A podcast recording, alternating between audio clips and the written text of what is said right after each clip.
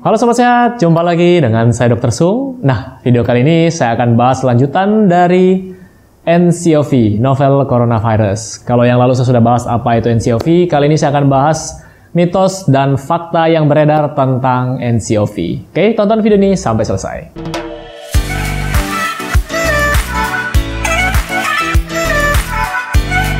Oke sobat sehat, jadi di sini saya sudah merangkum 5 mitos ya yang menurut saya menarik dan sudah dipublikasikan juga oleh WHO, Badan Kesehatan Dunia.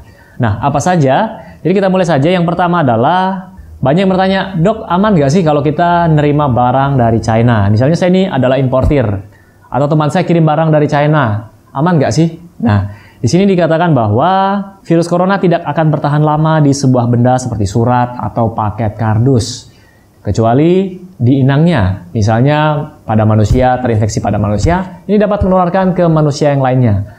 Tapi kalau pada benda mati misalnya di HP Anda atau di kardus, dia tidak akan bertahan lama. Apalagi Anda harus impor dari China ke Indonesia itu membutuhkan waktu berapa lama. Ya, tentu saja virus tersebut sudah mati, harusnya seperti itu.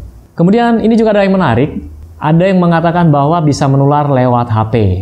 Mereknya X ya, HP buatan China, dan ini juga adalah hoax. Oke, kita lanjut ke mitos yang kedua. Virus corona bisa ditularkan dari hewan peliharaan seperti kucing atau anjing.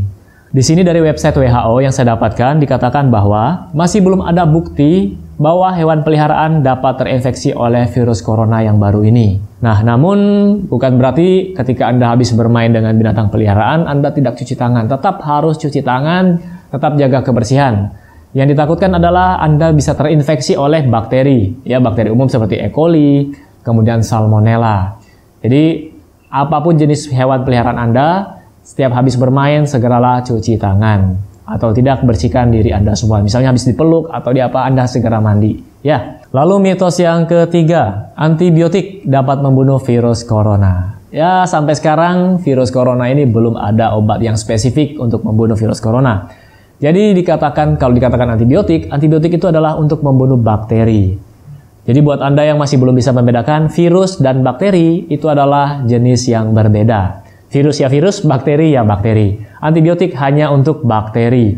Itu pun antibiotik jenis tertentu untuk bakteri jenis tertentu. Karena ada bakteri gram positif, gram negatif, seperti itu. Ya.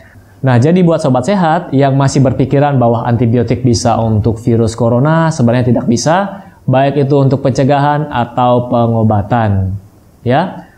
Udos Oil hadir untuk memenuhi kebutuhan omega 3 bagi Anda yang vegan atau vegetarian. Dapatkan Udos Oil hanya di boxsehat.com. Kemudian kita lanjut ke mitos yang keempat, coronavirus sudah ada obatnya.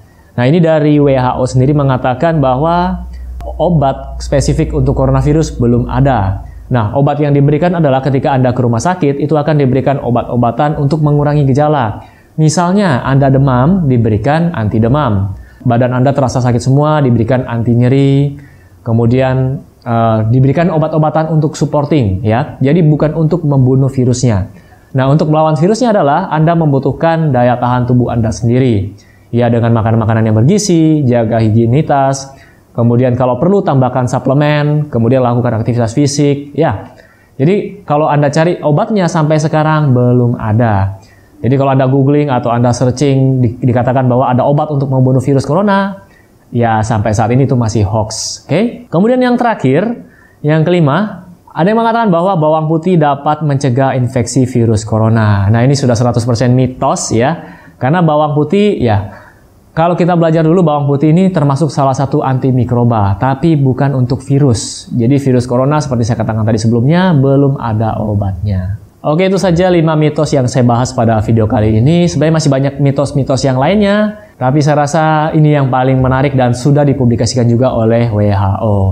Oke, buat Anda yang ingin menjaga daya tahan tubuh, coba perhatikan higienitas yang pertama, Sering-sering cuci tangan Anda, apalagi kalau Anda habis ke tempat publik yang bertemu dengan banyak orang. Ya, habis megang-megang benda, kemudian naik turun tangga, pegang-pegangan tangga, dan sebagainya.